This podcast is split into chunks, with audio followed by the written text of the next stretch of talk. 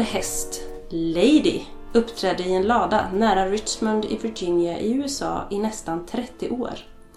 Hon kunde besvara frågor genom att lägga mulen mot hävstänger som lyfte upp bokstäver i ett specialkonstruerat tangentbord. På så sätt gav hon råd beträffande personliga angelägenheter och förutspådde också Harry Trumans seger i presidentvalet 1948. Oj! Enligt In i det okända, våran, eh, våran bibel, vårat ljus i mörkret, Ja. när vi, Vår bästa bok. vår bästa bok. Eh, alltså en siande häst. En siande kommunicerande häst som ger eh, svar på tal med hjälp av sin mule. Svar på viktiga frågor. Angelägenheter. Och inte bara siar i framtiden utan även då om personliga frågor, spörsmål. Precis. Jag tror det verkar så att eh, den clairvoyanta, som de benämner hästen, hästen både kunde liksom ja, komma med så här det här händer i världen. Lite som den där bläckfisken som förutspådde en massa fotbollsmatcher. Bläckfisken. Ja, för eh, det var något fotbolls... eh, Det var när jag var tillsammans med en människa som på fotboll. Och då var det fotbolls-VM. Och då fanns det en bläckfisk som förutspådde hur det skulle gå. Gick det, var det rätt? En tippande bläckfisk. Oj. Den var, han var, den var ganska duktig. Oj, shit. Dunk, jag förstår inte riktigt hur det gick till, men den dunkade på olika saker. Men bläckfiskar ska tydligen vara väldigt intelligenta. Det ska ju vara det smartaste djuret i havet. Jag tänker att eftersom att allt... Har jag hört. Ja, alltså en bläckfisk, det här är väldigt, tycker jag är väldigt spännande med bläckfisk, att, att eh, allt, alltså alla organ, all, allting i en kropp är liksom utspritt i en bläckfisk. Så det Mhm. hjälper liksom inte att du, att du kanske, om man säger så, om man ska döda en bläckfisk, Mm. att du typ skjuter den i huvudet. Nej. För då lever fortfarande en arm. Och att den typ kan överleva så himla mycket för att hela kroppen innehåller allt som är livsuppehållande. Den är liksom eh, som eh, lager på lager. Mm. Svårt att för, förstå, få en bild av det här. Ja, jag fattar inte riktigt hur det kan funka för att den har ju ett helt annat här, nervsystem. Som... Men jag vet att om de är i eh, fångenskap så måste de få väldigt mycket stimulans. Mm. Annars blir de deprimerade. Så de måste ju ha leksaker och sådär och leka med och få uppgifter att göra och liksom så. Sen gillar jag också att de kommunicerar via, via att de byter färg. Ja, Beroende på mood. Som sådana här humörsringar som man Precis. hade. Att de... eh, väldigt tidigt. Då kan ju vi, de, det är ju ett bra sätt för dem att kommunicera då. Precis. Som vi pratar om idag. Vi pratar om kommunikation. Ja. Bläckfiskar byter färg. Hästen Lady bankar på ett tangentbord. Det känns lite mekaniskt. Ja. Lite mekaniskt. Ehm, vad skulle jag säga? Jo, jag, när jag var i Grekland så såg det, vi bodde på en camping en gång. Och då var det en man som hade varit nere och lite random harpunerat en bläckfisk. Eh, som han tog upp och den var ju inte död utan den levde och han la den på golvet i restaurangen såklart. Så att alla barnen fick leka med bläckfisken. Eller snarare bli rädda för bläckfisken. Men alla gick fram och typ kände och hur sugpropparna fastnade på ens finger och sådär. Men den här stackars bläckfisken försökte fly. Eh, den liksom försökte kräla ut ur huset hela tiden. Och till slut så bestämde han sig för att döda bläckfisken. Och eh, han sa att det enda sättet som man egentligen kan döda en bläckfisk på, liksom smidigt, det är att stoppa in handen i vad det nu är, om det är dens typ anus eller mun eller någonting, i mitten i alla fall, under till. Och dra, ta tag i hjärnan och dra ut den och vända den ut och in. Fy fasen. Förlåt att jag berättar den här Alltså, fruktansvärda historien. Nu mår jag väldigt dåligt. Jag kanske skulle klippa bort den. Bra start. Nej men det är tydligen så. Just då, nervtrådarna. Just för Mm. att på tal om det du sa. De är ju väldigt svåra att döda. Ja. Mm. Ja, ja hur som helst. Det går raskt. Det önskar jag att han hade kommunicerat till mig på ett språk som jag förstod innan jag såg detta hända. Mm. För det här var ju Grekland och han pratade inte svenska och jag Nej. var ett barn. Och han kanske inte jobbade stenhårt med kroppsspråk typ. Eller hur, hur charaderar man det? Ja, För att jag tänker att det är verbet, att man charadar. paraderar. eh, hur visar man det liksom med... För jag tänker att... Röksignaler. Röksignaler. Jag ska dra ut hjärnan på en bläckfisk. Ja, nej. Kroppsspråk är svårt. Det är ju liksom, måste ju vara ett av de första kommunikationsmedlen vi har haft. Om man, om man går tillbaka. Röksignaler? Nej, kom, kroppsspråket. Mm, kroppsspråket ja. Alltså innan att man, att man från början så tror jag att man kommunicerade jättemycket via ljud.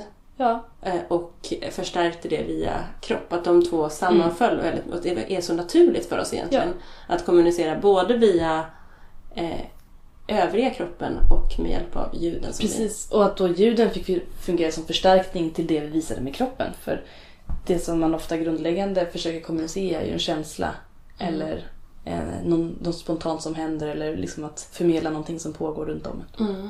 Idag tänker jag att vi har tappat bort så mycket. Eller att vi har blivit så här... Vi, vi är så informationsfyllda av andra kommunikationskanaler. Mm. Typ eh, internet, som jag alltid kommer tillbaka till. Min stora fiende, min stora skräck i livet. Ja. Eh, och eh, all, allting som pågår runt omkring oss, allt som vi ska hålla koll på så att vi inte riktigt läser av varandras kroppar ja. längre. Och även om vi gör det så har vi liksom tappat förmågan att tolka det. Mm. det. Jag tycker det är intressant i relationer hur man ofta då, om någon säger så nej men jag mår bra. Och så Mm. ser man på dens kroppsspråk att den inte mår bra. Mm. Eller kanske till och med hör man på tonfallet att den inte mår bra. Mm. Eh, Men ändå så är det många som kanske inte ens reagerar på det utan bara, ja men den sa att den mådde bra. Mm. Men eh, Eller att man att går det- liksom mer på vad någon säger än på vad de faktiskt visar. Exakt, att det är någonstans eh, vetot eller vad man ska säga. Det, det är det viktiga, vad man säger, inte vad man signalerar Ja. på något vis. Eh, och att det alltid går, har första tjing på sanning. Ja, det är intressant. Men och, om man ska prata om relationer också finns det väldigt mycket okommunicerat. Som man... Eh, när två personer går in i en relation, om det nu är en Mm. kompisrelation eller kärleksrelation eller liknande. Så finns det förväntningar som, som båda ska leva upp till. Eh, om, vi, om man uttalar, om det är två personer som säger vi har en kärleksrelation, vi är ihop. Då innebär det automatiskt väldigt många saker. Till exempel att man ska vara monogam. Det är inte uttalat men många antar det. Eh, att man ska träffas x antal dagar i veckan. Att man ska höras på ett visst sätt. Eh, att man ska ha samma förväntningar på framtiden. Att man vill göra samma saker med varandra och så vidare. Och varje gång det här inte stämmer överens med vad man faktiskt förväntar sig. Så, men den andra fortfarande tror det. Mm. Så kan det ju ske missförstånd. Till exempel, jaha men jag trodde du ville följa med mina föräldrar upp och träffa dem över påsk eller någonting. Mm. Nej, det vill jag inte. Men det borde du göra för du är min partner. Varför borde jag det? Jag är min egen människa. Bla bla bla bla bla bla. Eh, men det borde du förstå. Jaha, hur då? Ska jag läsa dina tankar? Den har man ju hört. Eller sagt. Precis. Jag kan inte läsa dina tankar. Men eh, det är intressant att människor lutar sig mot den här konstitutionen som då är en kärleksrelation. Och i och med det inte känner att de behöver kommunicera. Det är som att det finns ett eh, inbyggt strukturellt motstånd till kommunikation. Att vi har liksom haft så länge eh, och byggt upp den här sociala konventionen eller det här regelsystemet. Precis. Etik- det är som att det finns en etikett eh, som alla ska gå med på som finns liksom så här, hur relationer ska vara. Och det grundar sig kanske på helt andra sociala premisser eh, än, än vad vi har idag. Mm. Att rent historiskt så har vi ju liksom, ja men äktenskapet eh, har liksom inte alltid varit en, en kärleksinstitution. Det har ju Utan- varit vem som ska arva vad, Ja. vem som styr vem. Det är ett familjeföretag. Så. Ja. Hur ska vi överleva och hur, hur ska vi bestämma vem som tar hand om vilka barn? Eftersom att vi föder små totalt hjälplösa varelser med jättestora hjärnor av Mm. någon outgrundlig anledning. så, måste man så är det väldigt praktiskt om man vet vilka personer som har som ansvaret för det här lilla skrikande bajsbyltet. Ja, då bestämmer man att du får bara ligga med den här personen för att det kommer barn då. mm. Och då innebär det att det blir vårt ansvar att ta hand om barnen. Mm. Och, Och- det är sen barnets ansvar att ta hand om oss när vi dör Ja. och sen fortsätta i Precis. all evighet. Ja, back and forth forever. Back and forth. Och då så kommer alla de här outtalade, outtalade reglerna för hur en relation ska vara. Det, det, det knasiga är att det också känns som att det är lite olika. Det, kommuniceras, eller vad ska man säga, via olika nu ska jag försöka formulera det här, medier eller så, att tjejer eller människor som identifierar sig som tjejer, eller ja, Mm. Att ena, ena delen av eh, människosläktet ska känna på ett sätt. Medan det finns en massa idéer om att om du, eh, om du skulle vara kille på något sätt, då skulle du känna på ett helt annat... Alltså, Ja. Eller du menar i en relation? i relation... Alltså, Och det har ju inte att göra... varandra. Ja, precis. Och även om man bortser från kön så är det ofta en som får en viss roll och en annan Mm, det som ska har finnas en två roller liksom, Precis. och de ska vara på ett visst Och sätt. det är därför man ofta då till exempel i eh, relationer där båda identifierar sig som samma kön. Eh, vem är tjejen i relationen? Vem är mannen i relationen? Mm, Eh, för att man förväntar sig detta såklart. mm. Att det ska finnas en mas- maskulint eh, angreppssätt av, eh, av eh, relation. Och det behöver egentligen... Och det ska bara antas. Det är mycket som ska antas. Mm. Och det är intressant eftersom att vi anser att telepati typ vetenskapligt inte finns. Men ändå så lutar man sig mot det här Ja. och blir besviken när det inte funkar. Och blir förvånad. Ja, hur kunde du inte förstå vad jag menade? Ja, det är jättekonstigt. Det är jättekonstigt.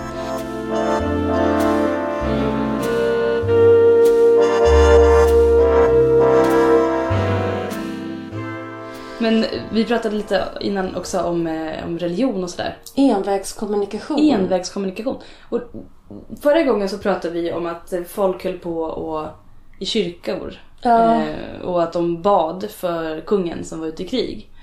Och det var så de liksom hjälpte kungen att, eh, ja, och landet att må bättre. Och kungens sätt att kommunicera var att gå ut via religionens kanaler. Religionen var internet. Ja. Och Ja, kungen var... Kyrkorna var hubbar. Ja. Och kungen var den enda som hade tillgång Ja, precis. till att, att, eh, Sätta ut att information. twittra.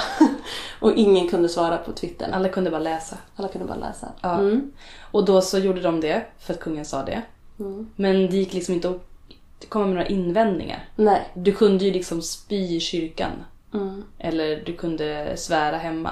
Men du kunde liksom inte... Om du skrev ett brev till kungen, för det var ju avsändaren, Mm. så gick det kanske inte så bra för dig. Nej, för då fanns ju helt plötsligt dok- dokumentation på att du motsade dig. Ja. Kungens ord. The, the master. Precis. Mm. Lite läskigt. Lite läskigt att... eh, Det, nu kommer jag att tänka på en sak som en kollega berättade om att att, att vara oanträffbar Mm. är ett tecken på makt. Ja. Ju mer oanträffbar du är, alltså ju svårare det är, är att kommunicera med dig egentligen, desto mer eh, makt, kontroll och desto, ja men det, det är liksom en sån statussymbol. Man vill ju alltid ha det som man inte kan få. Ja, Så till exempel, om många blir ju kära i personer som de kanske inte kan få. Eh, Eller känner att de kan få. mm, Och, som eh, kändisar. Ja men till exempel kändisar. Jag hade en kompis som var jättekär i Michael Jackson. Mm. Och hon var så här, jag vet att jag kommer att gifta mig med Michael Jackson. Oj, det vet jag. jobbigt. Det var jättejobbigt. Och en dag så insåg hon att det antagligen inte kommer hända. Och då hade hon ett nervöst sammanbrott. Åh, Gud Och mådde jättedåligt hela skoldagen och var så här, jag kommer inte gifta mig med Michael Jackson. Alltså hon grät i klassrummet. Mm. För att hon insåg det här. Och jag menar, då hade ju han makt över henne. Ja. utan att han visste om det ens.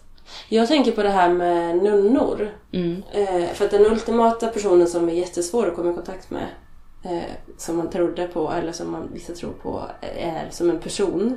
Ja, det finns andra personer som, som tolkar den här personen, eller den här tingisten, Mm. varelsen, på andra sätt. Men Gud, Mm. eh, Gud, det är ju ganska många som eh, har varit eh, kära i Gud, till Ja. exempel.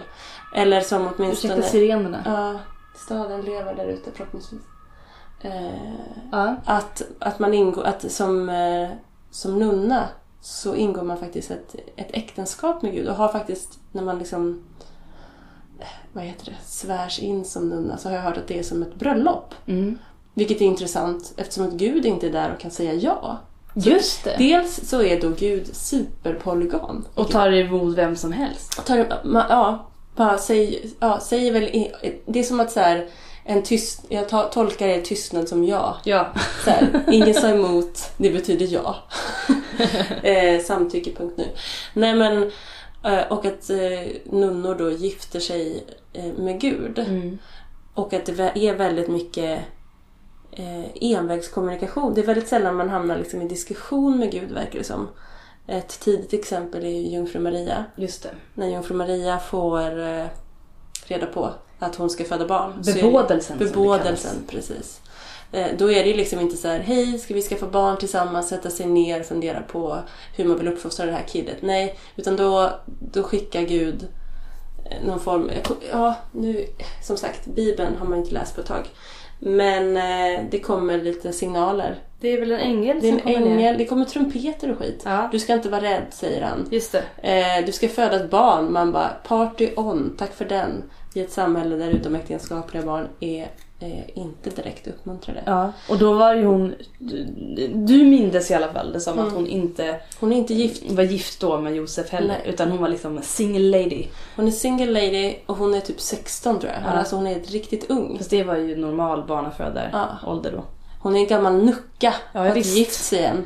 Pinsamt. Eh, men eh, ängeln säger du ska föda ett barn och viskar antingen i hennes öra, blåser luft på henne. Olika bilder. ja. Ja, det har funnits många tolkningar på hur Ibland kommer en stråle ner. Mm, stråle ljus som bara uppfyller henne. Mm. Eh, hon har i alla fall inte så mycket att säga till om kan man Nej, säga. hon blir på smällen. Hon blir på smällen. Vare sig hon vill det eller inte. Mm, och sen så går hon runt med en pinne och när hon bidrar Josef så blommar den här pinnen och det betyder ju Att han måste gifta sig han måste gifta sig med henne. Då Han gjorde hon en gud helt enkelt. Ja, hon bara jiha, här kommer jag. Japp. Och han bara okej, okej. Absolut, jag köper det, säger han och gifter sig med henne.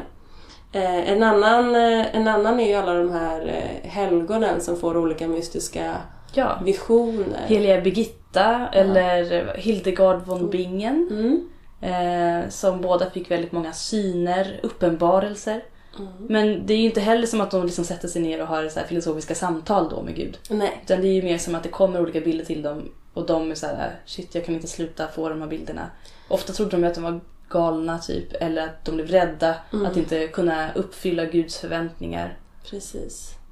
Att ja, men man måste ju ha blivit jätterädd, tänker jag. Ja. För att det händer ju någonting eh, super weird som man inte kan förklara. Och på den här tiden så förstod man ju också att det var något väldigt stort och viktigt. Ja. Men som kvinna, hur ska man förmedla detta? Hur kommer, alltså, Jag tror att båda de här två, Mm. eller åtminstone eh, Heliga Birgitta, hon var ju rich bitch. just det, hon var ju från en adelsfamilj va? Ja, och hon hade ju, hade ju man och sen så födde hon typ åtta barn eller någonting. Sen dog han och det var ju efter det, Då blev hon helig. då blev hon helig. När hon inte hade sex längre. När hon slutade ha sex. Ja. Åtminstone med han. Jag tänker att hon kanske hade sex med sig själv.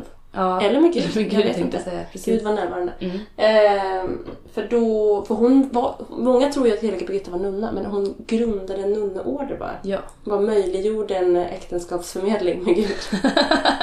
Som pimp. Ja, hon blev pimp.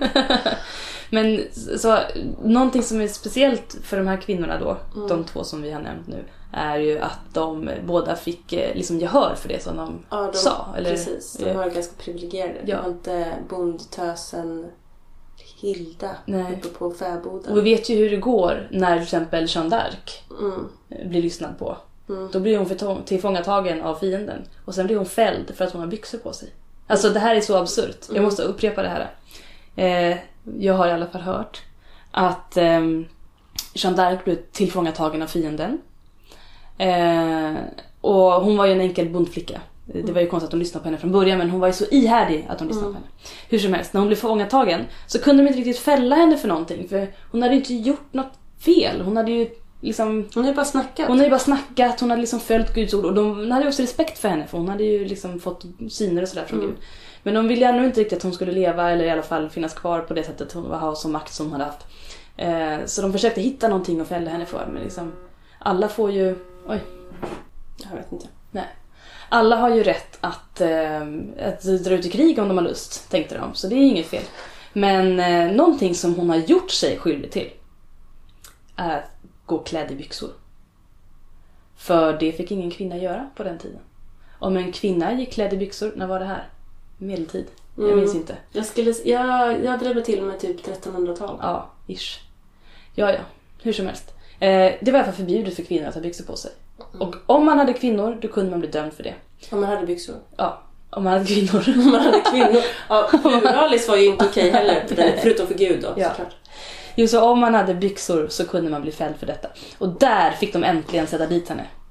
Men- Och det var det hon brändes för bål för. Jag Hon trodde, att brändes hon, för bål för att hon hade byxor. jag trodde att hon brändes för att hon var häxa. Ja, och då kallar de henne för häxa. Ah, för hon, för just det, så att det här med att det inte Att inte vara normal Ja. är ju häxeri. Ja, och det var ju bara en galen häxa som påstod sig få syner från Gud eh, och hade byxor på sig. Alltså den kombinationen. För en riktig ädel kvinna skulle inte ha byxor på sig. Nej. Då, kunde då, då var hennes syner inte sanna. Nej, jag förstår. Då var hon en häxa.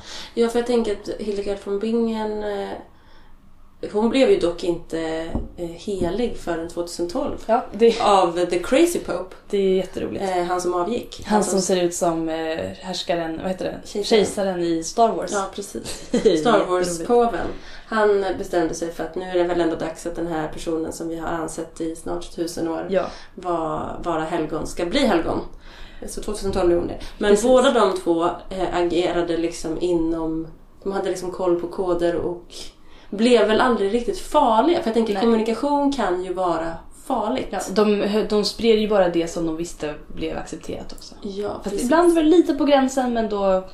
Ja, och de, jag tror att framförallt Helena Birgitta höll ju sig väldigt mycket inom ett, ett område som var till, alltså tillgängligt för kvinnor. Ja. För hon var ju katolik. Och då var ju väldigt mycket eh, Jungfru Maria. Mm. Eh, att man faktiskt hade liksom en, en kvinnlig ingång i En religionen. gudinnekult En gudinnekult. Exakt, ja, verkligen en gudinnekult. Och hon jo- jobbade mycket med, med bådelsen och eh, Jesus födelse Ja. då, ur naveln och sån här. Och hur det såg ut när han Ja. där. Så. Ja. Eh, så Men- hon höll sig inom ett eh, tillåtet område. Det här får mig att tänka på eh, alltså, det här att någon säger så här, nu ska du bli på smällen. Mm. Det får att tänka på abductions eller så bortförande eh, av aliens. Mm. Många påstår ju att de har blivit eh, bortrövade av utomjordingar. Och eh, i vissa fall har det varit en trevlig upplevelse, i andra fall har det varit en otrevlig upplevelse. Vissa förstår inte riktigt varför, de kanske inte minns så mycket av det. Andra minns väldigt detaljerat och säger att de, att de var med om olika experiment, att eh, de sen kommer ner på jorden igen och eh, fortsätter sina dagliga liv och upptäcker att de är gravida. Till exempel då att de kanske föder en hybrid. Och sen så fort de har fött sitt barn så rövas det bort. Och sen så är det back to basics igen.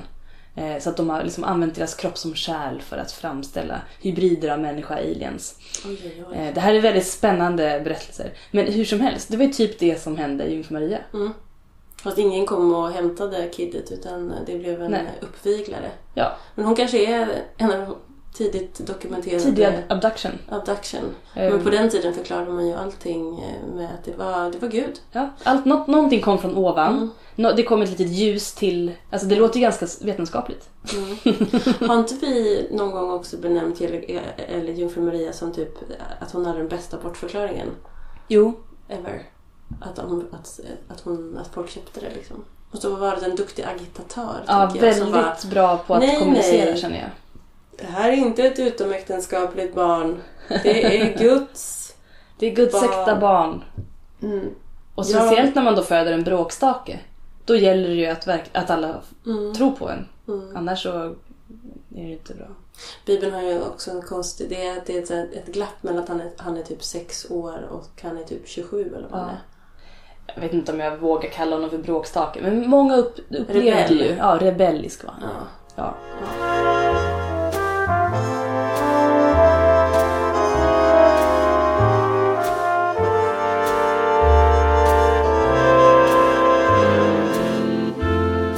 Men eh, vad, vad tänkte jag mer på? P- post har ju... på, på post. På, post. Jo, Apropå apropå internet och sådär. Internet, ja. Vi växte ju upp i en eh, liksom, tid där det inte fanns sms. Mm. Eh, utan så som man kommunicerade, det var ju telefon eller faktiskt brev. Mm. Jag har skrivit många brev, har du det? Jag har skrivit en hel del brev. Mm. Mm. Bland annat har jag skrivit brev till USA när min kompis var au pair där. Du ser. Mm. Det är väldigt coolt att man kan, att man kan liksom bara anta att saker och ting kommer fram. Ja, Vi är så säkra på det idag. Och jag skrev brev till mina kompisar i Småland för på den tiden så kostade det extra att ringa utanför liksom, sin kommun. Just det. Just Så det kostade jättemycket för mig att ringa till Småland. Mm. Så det var bara ibland om det var jätteviktigt som man skulle ringa om det var något bråttom. Men annars, alltså hur jag kommunicerar med dem var via brev. Mm. Vilket är lite häftigt om man tänker på vart vi är idag. Mm. Man hade så bra koll på adresser och så förr i tiden. Åh gud. tänker jag. Eh, men brev är ju lite av... Eh, brevväsendet är lite kärnan i eh, infrastrukturen. Och väldigt, det är ju väldigt viktigt med kommunikation. För jag tänker att eh, eftersom kommunikation eh, kan vara svårt har vi konstaterat. Mm. Kommunikation kan vara farligt. Ja. Och, och framförallt så är ju båda de här två leder fram till att kommunikation är väldigt viktigt. Just. Eh, och vi, vi har haft eh, postväsende ganska länge. Även om i början så var det lite knepigt. Det var lite svårt att få breven att komma fram. Ja, folk hittar ju inte så bra. Eh, men de som hittar bäst i sitt närområde är ju bönder. Ja. Som bor där ute på vischan. Och då kom man på att man skulle ha postbönder som skulle... Som liksom fick... En region då. Ja, man fick väl en region, man hade ett område. Och i och med att man sa absolut, jag bär ut posten så kunde man komma undan vissa jobbiga saker. Eh, typ bygga olika borgar. För det var en sån här, eh, det skulle man göra utöver Mm. att man skulle göra, överleva på sitt lilla mystiska jordbruk. Eh, så skulle man också då då hjälpa till med så här skitjobbiga saker. Typ bygga murarna som var runt Göteborg. Mm. Det skulle bönderna göra Mm. på sin fritid. Fast Visst. de hade ingen uppenbarligen. Eh, Så att man kunde komma undan sådana här jobbiga grejer genom att ta på sig den här lite halvjobbiga uppgiften, vilket är att vara postbonde. Och sen, som vuxen, så kunde man tvinga sina barn att göra det åt en. Och det var då vanligt. Och det var jättevanligt att man tvingade sina typ 8 till 10-åriga små barn. Eh, Man utrustade dem med en, ett spjut, ofta, eller någon annan eh, båge, vapen. Ett vapen. Men spjut var väldigt eh, bra för det kunde man liksom bara vifta omkring sig. Mm. För att kunna försvara sig mot farliga djur. Ja. Eller rövare, eller ja, Rövar. rövar. Rövhattar som All- lyrade i skogen. Allmänt farliga saker som lurade i skogen. Ja. Eh, och sen så kom ju då säcken. Säkert med någon som red in på gården. Ja. Du, du, du, tidigt i gryningen, klockan fyra, så kommer Ja. någon och bara upp och hoppa. Här kommer brev från konungen. Ut med skiten. Och så springer man ut och så får man liksom lubba med det här. Och tänk allting som försvann. Tänk alla viktiga brev som har tappats bort på vägen. Ja. Och jag läste någonstans att eh, när Karl XII var i Bendel var det väl? Ja. Bender. Bendel. Bendel. Eh, Med L. Kalabaliken i Bendel. Ja. Eh, då tog det tydligen tre månader för ett brev att komma hem till Sverige. Har jag hört. Mm. Ehm, och sen så, tänk då om man ska till exempel skicka ett brev till en armé och då ge en order. Och sen också vänta på svar från armén. Då kanske det tog liksom ett halvår. Mm. Att det, man förstår ju att krigen pågick i typ 30 år. Ja. Men vad stressigt också. Mm. Jag förstår vilken inre stress människor måste... För när man, när man väl tog beslutet Mm. så måste man ju vilja se resultat direkt. Men jag tänker också att man måste ha lämnat över så mycket ansvar eftersom att vi omöjligt nu kan ha direktkontakt. Jag, kung, du, Mm. eh, general. Så det, det, det här är på dig. Ja, visst. Du, du, Det är därför det var så viktigt med ansvaret då som generalen Mm. hade. Precis. Och att hack, hackordningen fungerade. Mm. Och att om det visade sig att man fattade fel beslut, för att man kunde inte fråga kungen om han, han var taggad på det, Mm. så ja, då blev man ju typ eh, lynchad. Ja. Eller så. Det var ju helt rimligt. Mm. Om man inte kunde skylla på att det var bönderna hemma på gården som, hade, Som hade missat ett brev. som inte hade ja, missat ett brev eller inte bett ordentligt. Just det. Är mycket det här, det här som kungen kommunicerade ut till, eh, till kyrkorna. Det som han twe- tweetade om, så att säga, genom prästerna. Var ju mycket, nu ska ni... Nu har ni varit syndiga. Ja. Det är därför vi förlorar Dresden. ja. Det är B. också rimligt. Era jäklar. För guds skull. För guds skull så får ni be nu. Ja. Så att vi får tillbaka Dresden. Kanske vi alla har haft, jag vet inte. Eh, Stackars människor. Ja, det var för jävligt att bo. Det konstaterade vi även i förra avsnittet att 1600-talet var en smutsig, smutsig, smutsig och jobbig tid. Ja. Vi återkommer ju ofta till 1600-talet. Det är liksom den perfekta blandningen. Precis. 1600-talet. Ja, Romarriket återkommer vi också Mm. ofta till. Där hade de ju också brev. Under 1600-talet så var de liksom besatta av romarriket. Det Precis. känns ju som att vi gillar egentligen det här lite antika. Känslan av det. Men på tal om, måste bara, vi måste prata lite om internet känner jag. Ja. Eh, jag kommer ihåg min första internetupplevelse.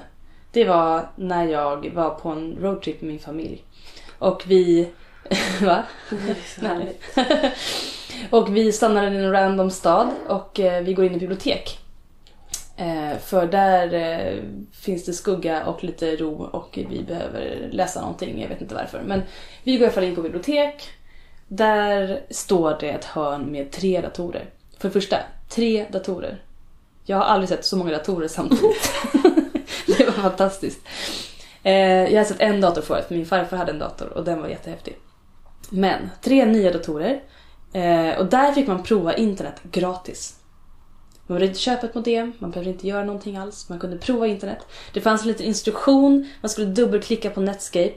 Jag dubbelklickar på Netscape, jag är väldigt spänd vad kommer finnas på internet. Skriv in din adress i sökfältet. Vadå för adress? Jag visste ingen internetadress. Och där tog det stopp. Men förr så kunde man ju skriva så här till Gunvor i Solhaga bredvid kyrkan. Mm. Då kom det fram. Då visste folk. Men internet behövde vara mer specifikt. På den tiden. Nu kan man ju fortfarande göra, nu kan man göra det igen med Google. Då kan man skriva så här. Jag kan googla på det så här, Emily Zachrisson, Stadsmuseet. Så får jag upp grejer. Men för, då måste ju sökfältet vara kopplat till en sökmotor. Ja. Eh, för jag, jag minns eh, Alta Vista. Det minns vi alla. Alta Vista, Mm. Eh, och det var nog där jag fick den här upplevelsen av att internet var så fruktansvärt stort. Det var då man förstod det. liksom. Ja. För att man kunde så skriva in och jag var besatt av Alanis Morissette. Eh, när, jag, när jag var liten. Så jag satt och googlade på Alanis Morissette. Eller bara- Alta Vistade. Alta Vista, det heter det. Mm. För googla är inte ett verb. Jag Nej. satt och sökte på Ja. internet. Via sökmotorn Alta Vista. Via sökmotorn Alta Vista. Jag gjorde det på Winona Ryder. Då fick jag upp bilder på henne. Ja. Och det tog så lång tid att ladda bilderna. Ett Mm. streck i taget så här. Och så var det så här jätteroliga hemsidor som var så här lila Ja. och grejer. Ja. Ack, Eh. den ungdomen. Information, Information. information, Kommunikation. internet. Jag har ju en teori om att när internet har fått all information som det går att stoppa i internet så kommer internet att implodera. Mm. Det är som ett universum som till slut kommer liksom vända om och bli mindre igen. Ja, det kommer ju bli Big... Jag tänker, Big att Bang. Big Bang. Jag tänker att den inte kommer att vända om. Jag tror bara att den kommer explodera och börja om från början. Ja. Att det kommer att bli en kollaps. Hur, ser en, hur ser en informationskollaps ut rent fysiskt? Alltså, vet- det kommer ju inte påverka våra datorer. Det kommer ju bara försvinna. Ja, men jag tänker att det, det är som när man stängde av gamla, gamla tv-apparater. Ja. Precis. Att ljuset bara försvinner. Ja, och så är det en liten, liten ljusfläck som liksom Mm. sakta tynar bort. Precis. Så kommer det vara. Ja. Så är vi tillbaka i 1600-talet igen. Eller ännu tidigare, Ja. hoppas jag. För 1600-tal, ja, nej. Med det så tror jag att vi har gått igenom alla teman som vi hade. Mm. Mm. Dagens... Vi, vi, apropå internet så får, om det är någon där ute som har ett önsketema som de vill att vi ska grötta oss i eller Ja. något sånt, får ni jätte, jättegärna skriva det på vår Facebook. Ja, Saker jag har hört har en Facebook-sida. Där lägger vi också upp bilder och länkar till grejer som vi pratar om ibland. Mm. Eh, och ni får jättegärna komma med önskemål. Förra önskemålet till exempel, eh, hygien, kom från min kompis Nicky. Mm. Så känn er väldigt fria att komma med önskemål. Precis. Mm. Innan internet kollapsar. Precis. Då är det slut på det roliga. Skynda er medan ni Passa kan. på nu. Tack och hej. Leverpastej.